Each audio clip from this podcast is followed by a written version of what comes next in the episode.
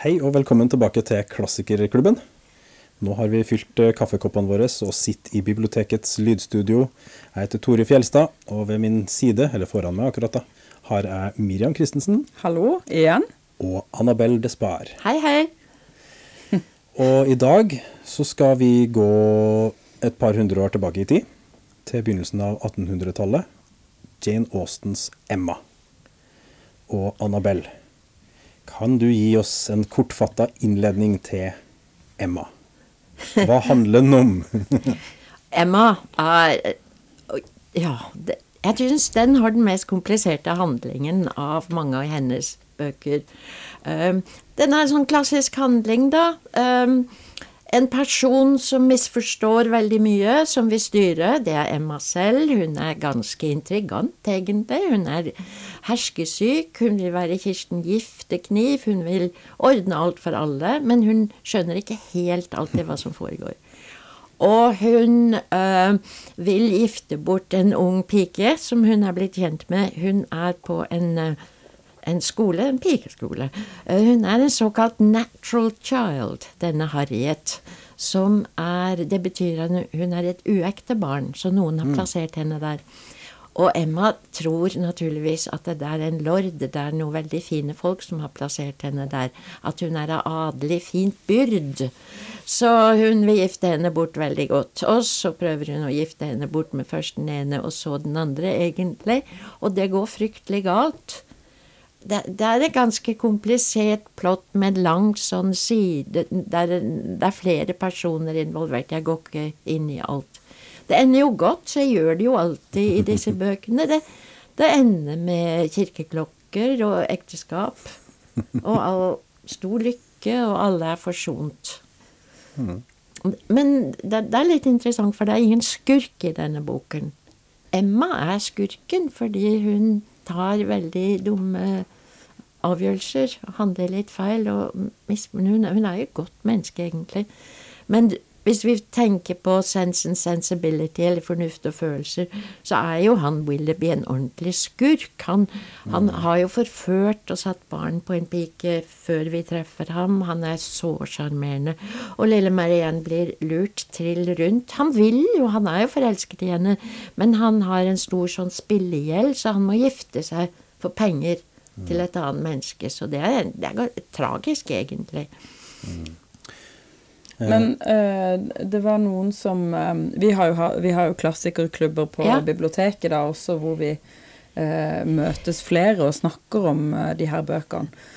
og akkurat med Emma og Jane Austen så var det noen som sa Men var det sånn på den tida at man forventa en lykkelig slutt? Eller ble de virkelig overraska til slutt når det gikk godt med alle i disse bøkene til Aasten? Jeg har ikke lest, for det var jo hundrevis av sånne dameromaner som ble utgitt. Det var en sjanger som det ble lest veldig, veldig mye. Og i disse bøkene regner jeg med at det var en lykkelig slutt, for ellers hadde de ikke vært så populære. For det, det er jo eskapisme. Eh, det er jo en flukt ut i noe som kan se litt vanskelig og full av forviklinger, og så går det bra til slutt. Mm. For det gjør det jo ikke alltid i livet. Og det som er interessant, er jo at det bygger på disse ekteskapene som inngås som, til folkene vi liker. Det, det er bygget på aktelse og respekt og vennskap i tillegg til kjærlighet. Mm. For det var jo så mange kvinner som måtte gifte seg uh, av økonomiske grunner, for de hadde mm. Og det påpeker jo Jane Austen hele tiden. Altså, han Willoughby måtte gifte seg til en rik uh, kvinne for å få penger.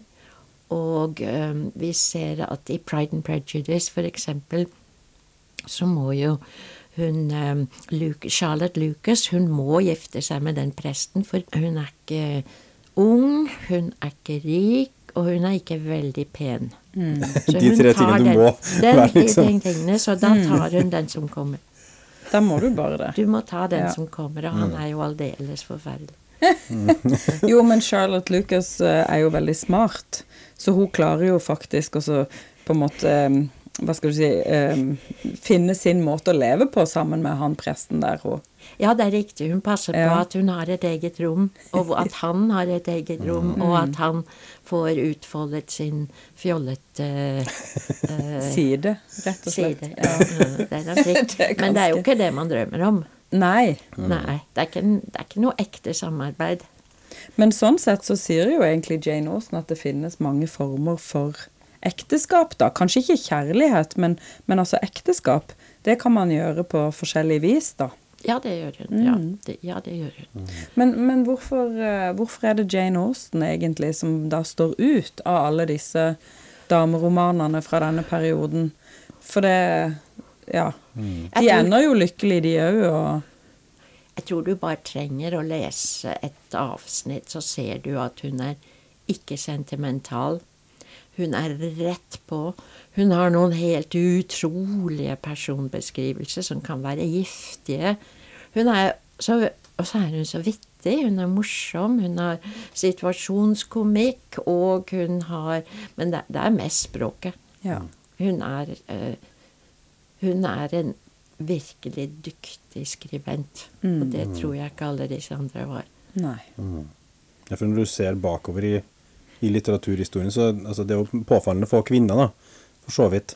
Men, men liksom, det er noen som bare stikker hodet veldig, veldig høyt og tydelig opp. Du har jo Bronté-søsknene, ikke sant. Og, og, og det var jo ikke lett for Jane Austen å få skrevet heller, så vidt jeg har forstått. da, altså at Hun måtte, hun var sjenert og satt og skrev i skjul, og liksom med en gang det kommer noen inn i rommet, så Oi, frem med strikketøyet! Jeg satt ikke og skrev, jeg lover deg det. ikke sant? Det er ikke sant. Det er ikke sant. Er det ikke sant? Er det en myte? nei. Familien oppmuntret henne hele tiden. Og hun hadde en Men hun var så eh, sleip, egentlig. Hun hadde en bror som skrev. Og hun oppmuntret ham hele tiden og sa at han skrev mannlige sketsjer. Store mannlige sketsjer. Mens hun sitter med en bitte, bitte, bitte lite stykke eføy Nei, nei elfen- elfenben, mener jeg. Som hun sitter og, og, og gnukker på og holder på med bitte, bitte lite arbeid hun har. Mens han har noe stort. Men det er jo nettopp det som er poenget, fordi hun skriver i et lite Hun skriver jo kammerspill. Det er jo kammerspill. Um, og familien elsket det hun skrev, og familien oppmuntret henne hele veien. Og hun begynte jo å tjene ganske mye penger, faktisk. Og det brukte hun på reiser og på gaver. For de hadde ikke veldig god råd. Nei, og altså en av bøkene ble jo sendt til uh, The Prince Regent, altså til regenten. Så hun var veldig populær. Ja. Og det er en knir... Nei, unnskyld, nå avbrøt jeg det deg, men det er en myte om en sånn knirkende dør. ja, Som hun hadde lagt inn for at ingen skulle forstyrre henne. Men det var familien det som, som ville si til henne du, nå kommer det besøk, legg bort Ja. pappbøkene'. bøkene. Nei, så det, det er en myte. Men, Men du det er en interessant myte, da. Altså, for det, altså, her, vi har jo hatt Virginia Woolf opp i noen eh, sammenhenger i klassikerklubben som snakker om det der egne rommet. Ja, ja. Å ha et eget rom og kunne sitte uforstyrra og holde på hvor ikke ungene banker på og ikke det kommer alskens eh, forstyrrelser. Nei, vi hadde jo det ikke det, men hvis-. Men det er jo litt av hvis det kommer besøk, som hun er nødt Mm. til å på en måte Uansett hvem som kommer på døra, så må hun stoppe og skrive. Det må jo bli mange forstyrrelser. Jeg tror Emily Dickinson er den mest interessante. Hun skrev ganske i smug. Og hun skrev på, bakpå regninger fra slakteren, og hun skrev på bitte små lapper som hun gjemte rundt omkring. Og folk trodde jo hun var litt forrykt. Og eh, hun skrev jo veldig ugrammatikalsk, og hun hadde ikke vanlig ortografi. Um, så der er det verre. Ja, det det. Hun måtte nok skjule. Men det er jo det med det egne rommet handler jo også om økonomi og frihet og Ja.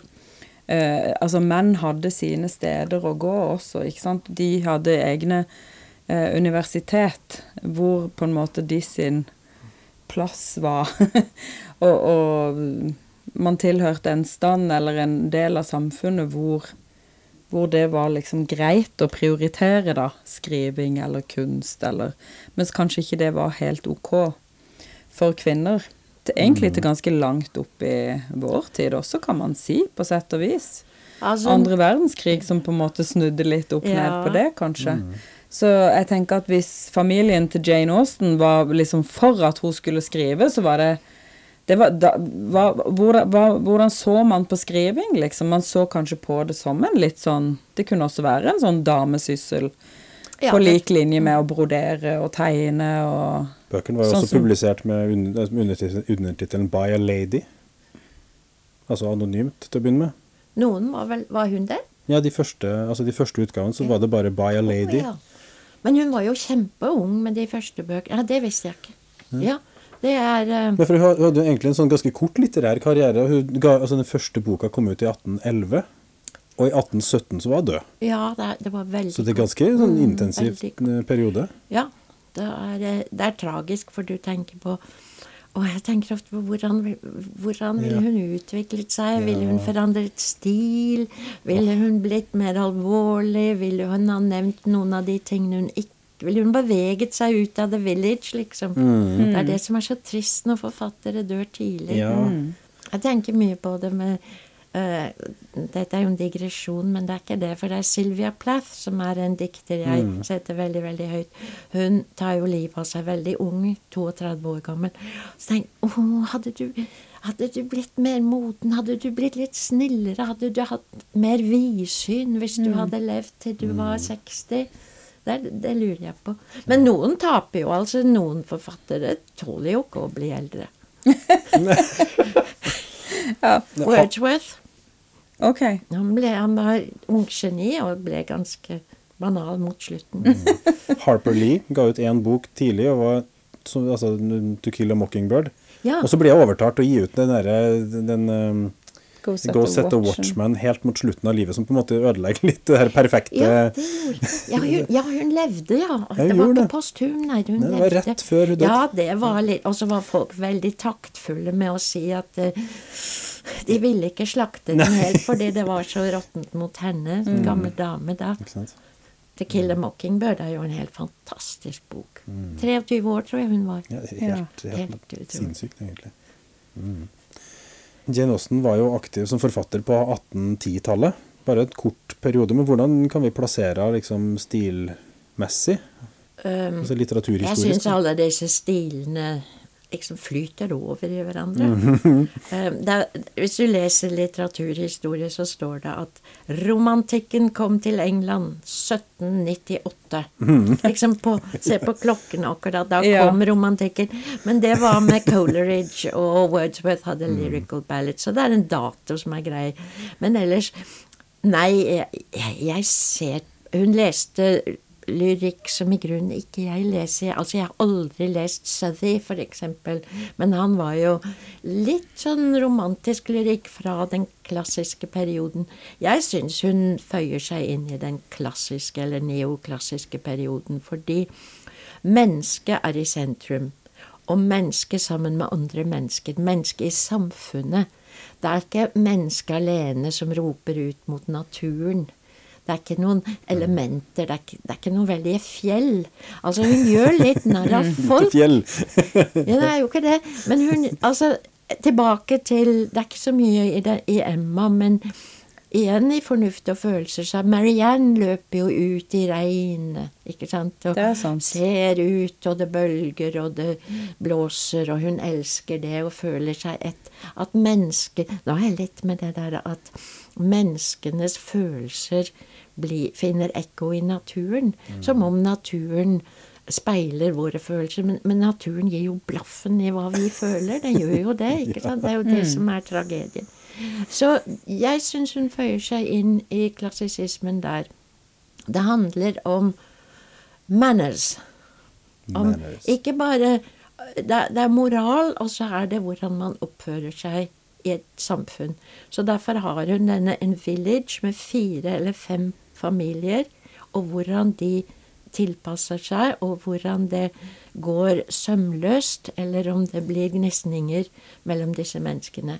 Det, er det, det, er, det er ikke urbant, for det er jo på landet, men det er jo egentlig et lite uh, mikrokosmos. Mm. En ny mikroby. Ja. Men det er, det er mye sånn eh, etikette, som du sier, eller manners. Altså eh, hvordan skal du håndtere de forskjellige tingene som skal og bør skje i livet ditt. Hvordan skal du møte en mann? Mm. Eh, hvor mange danser skal de danse på ballet? Og, altså, det er veldig sånn ja. um, det, det, er utrolig mye dramatikk du kan spinne ut av veldig lite, da. Og noe som også er veldig sånn egentlig ganske blygt, på ja. sett og vis. Og det er jo litt fascinerende at vi i dag, som er jo bare Altså hvor som helst så dukker det jo opp ei rumpe eller en pupp, liksom. Så det er jo Hvorfor blir vi så fascinert av Jane Austen i dag, når det er så blygt, og det er så lite mm. som egentlig skjer, og det er jo liksom ikke et lite kyss engang, nesten. Nei, det er liksom sånn at man, man, må, man må bare gå inn i en annen kultur. Jeg tenker mm. kanskje det er som å være muslimsk jente noen ganger. ikke sant? Det er helt klare regler for hva som er tillatt og ikke tillatt. Um, F.eks. dette med postgangen. Altså I Emma så løper jo hun um, Jane ut i posten i dårlig vær for å hente brev. Fordi hun får jo brev fra en fyr.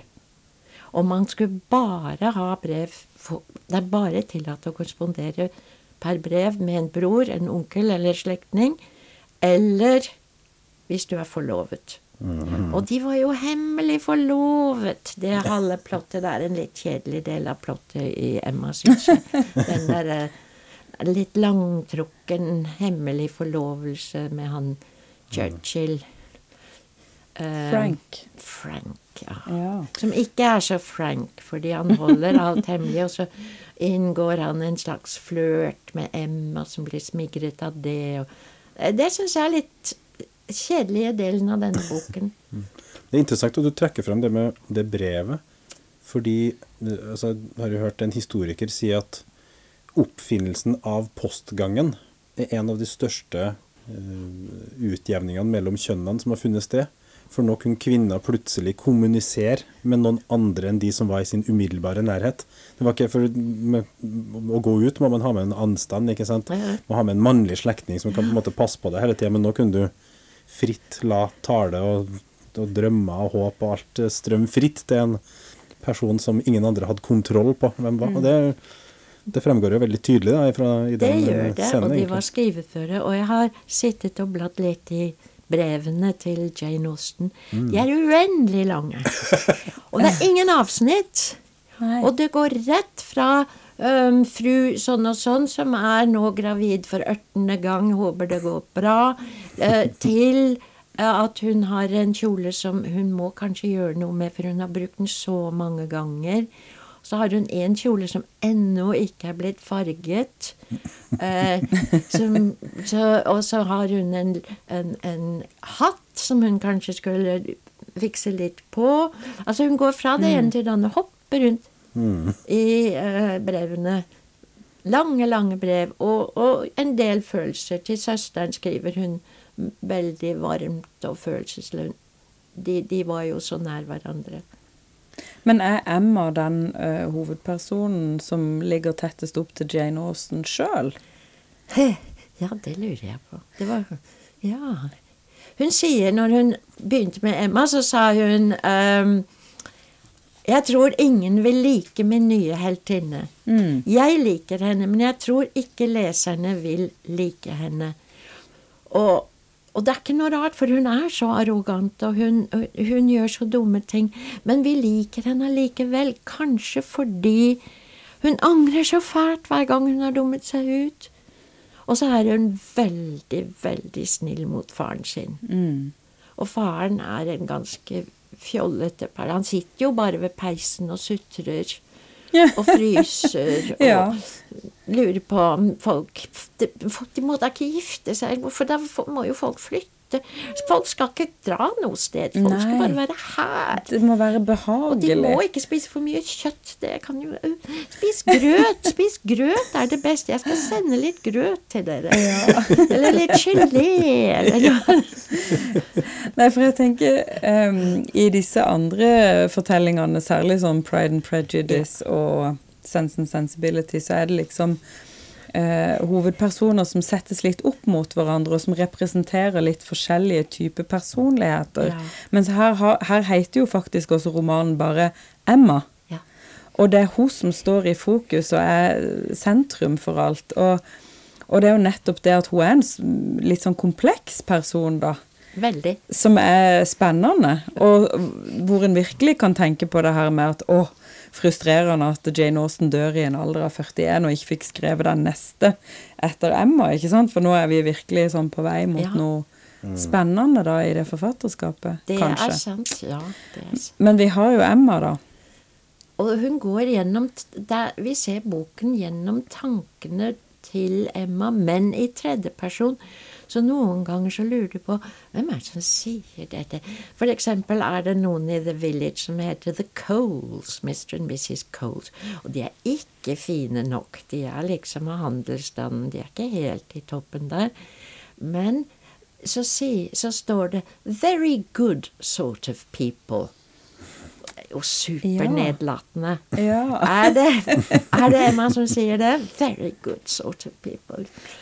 You know, mm. Nesten bisetning for their kind, eller of their kind, eller um, er, det, er det Emma, eller er det Jane Austen som sier det? Og det, det er veldig morsomt og litt uh, tvetydig. Det gir en sånn liten edge til boken, syns jeg. Men så er det én ting vi har diskutert litt, og det er følelser. Og, eh, og Jane Austens uh, samtid, Ja. Og hva hun skriver om følelser. For det at eh, det var Altså, vi snakker om denne etiketten og alle manerene og, og brevform og sosiale lag og Men at det var viktig å, å ikke vise for mye følelser. Ja, du tror hun viser inn Altså Jane Fairfax, som er hemmelig forlovet. Hun har det jo ikke godt. Og hun blir veldig dårlig. Og så får vi høre via den derre litt masete tanten og hun spiser jo ikke frokost i det hele tatt. Hun spiser jo ikke frokost. Hun spiser ingenting. Bare se på henne. Så skjønner vi Der er det noe. Ja. Det er noe galt der. Um, og noen ganger så ser du at en person rødmer, eller kanskje går litt fort ut av døren. Mm. Eller Så du, du Og det vis, du må, Men du må kunne lese signalene. Du kan ikke lese for fort. Du må liksom få med deg signalene, syns jeg. Og det syns jeg er ganske subtilt. I- Og, og det er altså show not tell, Mm. egentlig, hun driver med. Men noen ganger sier hun direkte hvis hun sier at Hun sier om, om Mrs. L Hun er jo dum. Hun er jo arrogant og øh, dum. Det sier jo Jane Austen rett ut. Eller er det Emma som sier det? ja, ikke sant? Ja, det kan man spekulere på, da. Men følelser nei, det er Jeg syns det var så nydelig, den filmen med nettopp Emma Thompson og Kate Winslet. Uh, på, når hun tror at Jeg kan ikke huske hvem av dem som gjør det, men det er kanskje Hugh Grant. Mens han liksom ikke helt frir, så knuser han en liten sånn Kina-dings. Ja. Hva heter det for noe? En liten Det er en liten En vas eller nips? Eller noe nips, ja. Ja. Nips. Så knuser han den.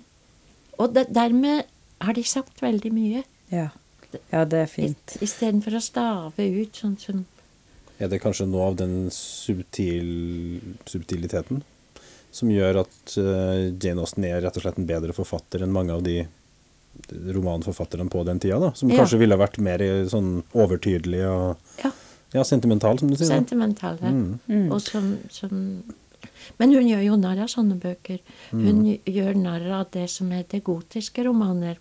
Um, Northanger Abbey er den boken hvor heltinnen har forlest seg på bøker om uh, spøkelser, um, gamle ruiner, eh, skatter som er skjult. eh, osv. Så, videre. så når hun blir buden et sted på besøk så, til en Abbey, så er hun bare på jakt etter dette. Og hun, hun eh, Jane Austen hun, hun, er helt knusende i sin dom over de bøkene der. Mm. Ja, for Man mente jo gjerne at romaner var liksom totalt ødeleggende for eh, mentaliteten til unge piker. De skulle ikke drive og lese sånt. Det var bare Ikke bare var det søppel, men det var liksom sånt som ja, man ble ødelagt av dem. Det var sett på som ganske fordervende. Men det er litt urettferdig å sette stempelet på Aasens romaner, vil jeg kanskje si. da. Hun kom kanskje litt etter det, jeg vet ikke. Ja, det er mulig. Men hun ble jo sett på som frivol av Bronte-søstrene. De så på henne som bare tullete og frivol og overfladisk. Oh, ja. Fordi altså, Emily Bronte, det er jo så mye følelser at det, det altså, Boken revner nesten av følelser. mm. Og de løper rundt på det høylandet der i Yorkshire med følelsene sine, og vinden er med dem, og mm. naturen er med dem. De bodde Snø. jo tett på naturen òg, så det hjelper jo. De var jo midt oppi det miljøet. De var midt oppi det. Hele livet. Men det er også en litt mer brutal verden, da.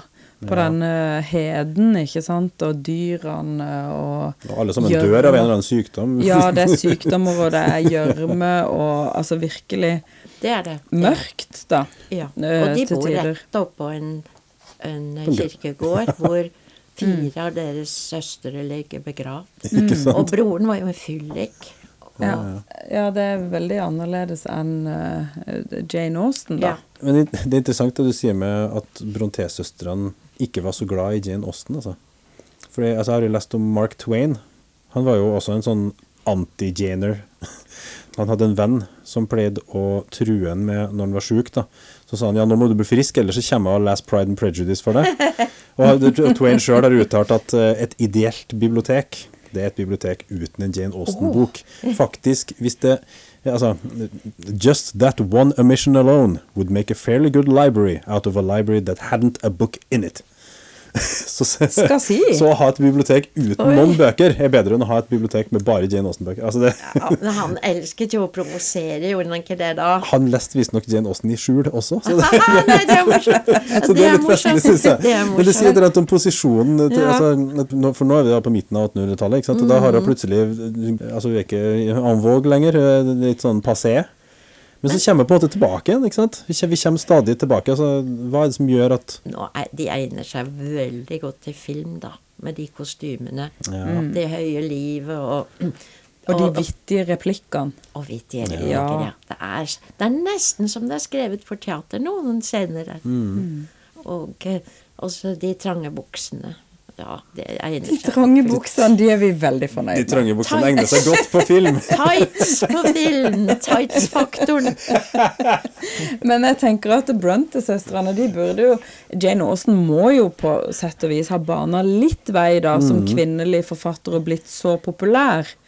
Altså, det må jo de være glad for, da, tenker jeg. Altså, selve det der landskapet med å publisere for kvinner ja. vil jo på en måte bli utvida da for hver nye kvinnelige forfatter, da, tenker mm. jeg, på denne tida, som faktisk slår litt igjennom. Mm. Det, det, er så sant. få, ja. Ja, ja det er sant. Mm. Så jeg syns de var litt sånn litt for sure. ja, men altså For det første at hun plasserer det i det miljøet, men, men også humor er jo ikke det aller største hos Bronte-søstrene. Absolutt ikke. Nei, det er Nei. ikke det. Men Dickens derimot, som er så morsom, mm. han likte vel Jane Austen, så vidt jeg husker. Mm. Han er morsom, han. Ja, ja, ikke sant. Han og der er det også det er vittige replikker og interessante karakterer. Ja, ja og beskrivelsene, da. Ja, ja, ja. Der, og så er jo også Jane Austen delvis uh, samtidig med Mary Wollstonecraft. Oi. Og det er jo noe Da er vi på et helt annet sted, på en måte sånn mm. mentalt, ikke sant. Vi er i kvinnefrigjøring og gryende feminisme, og midt i byen, og det er liksom og den politiske frigjøringen. Ja. Mm. ja. Og, og, hvordan Altså, Jane Austen er jo helt Det er jo helt borte fra bøkene hos sine. Ja, for altså det vi glemmer med Jane Austen, det som blir glemt i alle filmene, så vidt jeg kan se, er at det er et veldig kristent fundament for hennes etikk. Og, og det, det, er ikke så mye med i filmen. Da er det morsomme litt sånn feminisme light. Ja. Eh, for det passer oss bedre. Mm. Men at hun hadde et så dypt kristent syn og en sånn etikk. Eh, og jeg tenker på eh, Mary Wollstonecraft og, og de eh, Du begynner å sette spørsmål ved kvinnens stilling, og det gjorde hun til gangs. Og så blir det da menneskets Det sosiale. The rights of man. Altså, hun, hun kjente jo alle de. Hun kjente jo Payne, hun kjente jo alle. Um, så når, de skriver the rights, når Payne skriver 'The Rights of Man', så må jo hun skrive 'The Rights of Woman'. Og så er det jo veldig naturlig når den sosiale orden, når du setter spørsmål Stiller spørsmål ved det, at du spør Gud, da. Hm? Hvem var det, og ville han ha det sånn? Sånn at de, setter, de stiller veldig fundamentale spørsmål ved hele samfunnsorden og, det, og universet og alt. Og det gjør ikke Jane. Altså hun forutsetter et stabilt samfunn, og inni den skjer det bitte små rokeringer som kan ha store følelsesmessige konsekvenser for de det gjelder. Mm. Det er hennes kammerspill. Ja. Hun forholder seg til det som er som nærmest Ja. en sånn statisk Ja. mm. eh, Relativt Verden. statisk Mm. verden. Så det er jo egentlig eh, romaner som løsrives litt fra liksom den store historien og samfunn og kontekst, men, men går mer inn på selve følelseslivet til menneskene, og hvordan det kan bli ja, hvor store konsekvenser og omkostninger det har for enkeltmennesket, da. Ja. Med disse her eh, eh, på en måte både skrevne og uskrevne regler og, og eh, ordenen i samfunnet, da. Ja, der sier Og det er jo en historie, det også. Mm. Absolutt. Går det her litt i det du For du nevnte tidligere at du så på sitt verk som på en måte å sitte og polere på en liten sånn elfenbens et Ja, hun har skrevet For- this, this little bit of ivory, two inches wide, on which I work with so fine a brush. Mm. Og det er liksom de, som, de, de, de gåsøya små tingene som hun beskjeftiger Ja. seg med når Ja. eh, alle de andre skriver sånne Men jeg tror hun er litt nedsettende. Og så sier hun til Ja. nies, niesen som skal skrive Three or four families in a country village is the very thing to work on. Fordi niesen skriver, og hun oppmuntrer. Hun driver litt sånn skrivekurs med henne. Men det får meg til å tenke på Tolstoy, som også sa at hvis du, hvis du kjenner din lille landsby, så kjenner du jo hele verden på en måte. Altså for det er alle, alle de mennesketypene som fins på kloden, de fins i den lille landsbyen, da. Så hvis du kjenner den, så Bare at Mm. Tolstoy, han får jo inn Napoleon og Jo, jo. Han skriver ganske stort tablå. han, han tar jo hele det sveipet med Ja, han. ja. Men allikevel så er det jo også noe der da som kanskje de har til felles, det der med å faktisk Um, uh, sette det lille mennesket opp Altså for det, jeg tenker uh, de som leste Jane Austen, de befant seg jo i den konteksten og visste jo om den. ja. Bare at hun tar ikke det med i romanen, da. Nei, det er sant. Og det er noen små hentydninger da. Altså det er jo folk som drar til India, og det er jo eh, Altså, du skjønner jo at mennene her, de er jo med i storpolitiske hendelser og utvikling, og historien går sin gang rundt. Men kvinnene er jo helt borte fra det. Annet enn de trange buksene, da. For Ja. disse mennene i uniform er jo så interessante. Ja. De er jo så interessante, men bare på grunn av uniformen, da. Mm. Men tror du det er ingen. Ja, det er nesten som Jane Austen sjøl. Hun gjør litt narr av liksom sin egen Ja, sin egen flokk, da, ikke sant? Ja, hele tiden. Mm. Hele tiden. Og når hun sier det med elfenbensstykke Neimen, Nei, men jeg sitter bare her og jobber på mitt lille elfenbensstykke. Så er det jo noe litt sånn eh, ironisk i det, da. At hun eh, Ja, en liten sånn fandenivoldskhet, på et vis. Veldig sånn selvnedsettende, altså. Som når Kafka snakker om mine skriblerier. Ja, Litt for- sånn, sånn sånn, Ja, det er bare noe som ja, Ikke tenk på det. Det er småtteri. Ja, mm. Og så prøver hun å oppmuntre denne nevøen. his manly sketches. Mm. jeg, jeg, jeg har aldri hørt om noen som har lest noe av nevøen. eller niesen. eh, eller- Men jeg har lest litt, et par brev fra moren, og hun var veldig morsom. Moren var morsom, men hun er skarp også. Litt spydig. Ja. Spydig, ja. Så kunne Ja. passa litt inn i, som en karakter i en av romanene. på en måte, Jeg tror hun Ja, tror hun det er noen det, som sier at Ja, at det er veldig dårlige foreldrebilder i disse Altså, de er så unge. De er kjempeunge alle sammen. Mm. Emma, var det 19 år hun var? Noe sånt. Hun, hun er ikke fylt 20. Og så um, Så jeg Og det er så mange fjollete voksne.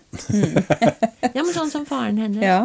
Ja, det er litt interessant det, når, altså, at de er så unge. Den, Emma er jo eh, inspirasjonskilde til en eh, tenåringskomediefilm fra 90-tallet. 'Clueless' Å ja. også. ikke sant? Og det, det liksom, sånn dukker på en måte opp i sånn eh, Og det er jo bare tenåringer, det er jo high school-setting. og, og det egner seg jo veldig godt, det, tydeligvis. Mm. Jeg ser den boken du har der. Ja, da har jo en er sånn det den nye norske utgaven?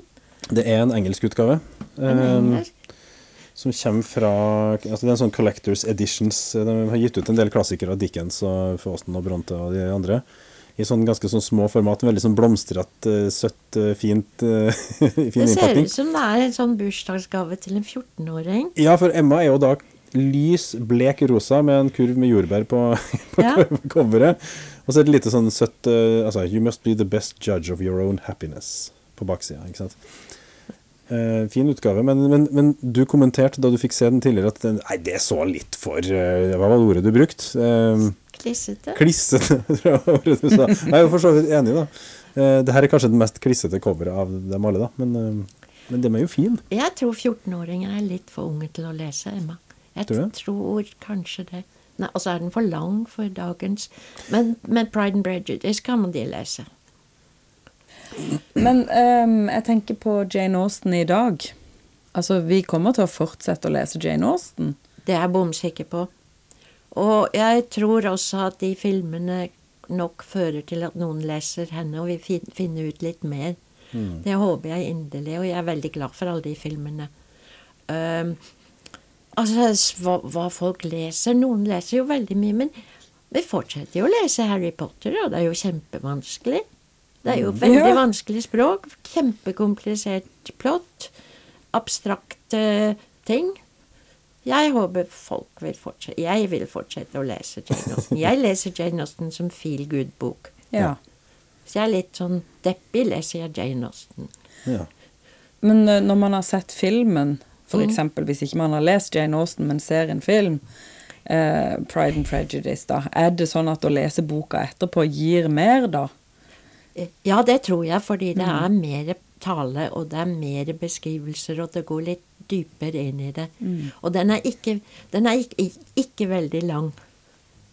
Nei, men den Bra er reklame for en bok. Den er ikke så lang. Ja, men det er mange, sant. Jeg, jeg syns det er et parti, Emma, som er litt tråkig, Ja. faktisk. Ja. Som irriterer deg nesten litt. Ja, det irriterer meg Du litt. hopper Ja. over kanskje også? Eh, Du frista til å hoppe over det, men ja, men så kommer en veldig god setning. Ja. så er du ta fortapt. men, men det er sant, altså. Det er jo det, er, det er, er Frank Churchill og, og Jane Fairfax, hele det plottet der. Mm. Det er underplott, underhistorien. ja. Det er veldig, veldig tilgjengelige bøker, syns jeg. Altså, det, I Klassikerklubben så har vi jo hatt um, Vi trekker jo stadig frem som eksempel det her eh, blomsterstykket, Jan van Huysums blomsterstykke, eller hva den Ja, heter. ja. Som, er, som er nydelig skrevet, men det framstår som uendelig mye eldre Mm. enn f.eks. Jane Austen, for hun har et mye friskere språk. altså Det er mer sånn det, Altså, det føles mer moderne på et vis, selv om det er eldre. Det er Jo, men det engelske språket sluttet å utvikle seg uh, egentlig på 1600-tallet. Shakespeare satte en stopper for alt, liksom. Nei, det er noe språklig som ikke jeg behersker helt. Men, men altså, du leser noe norsk. Du leser Wergeland. Mm.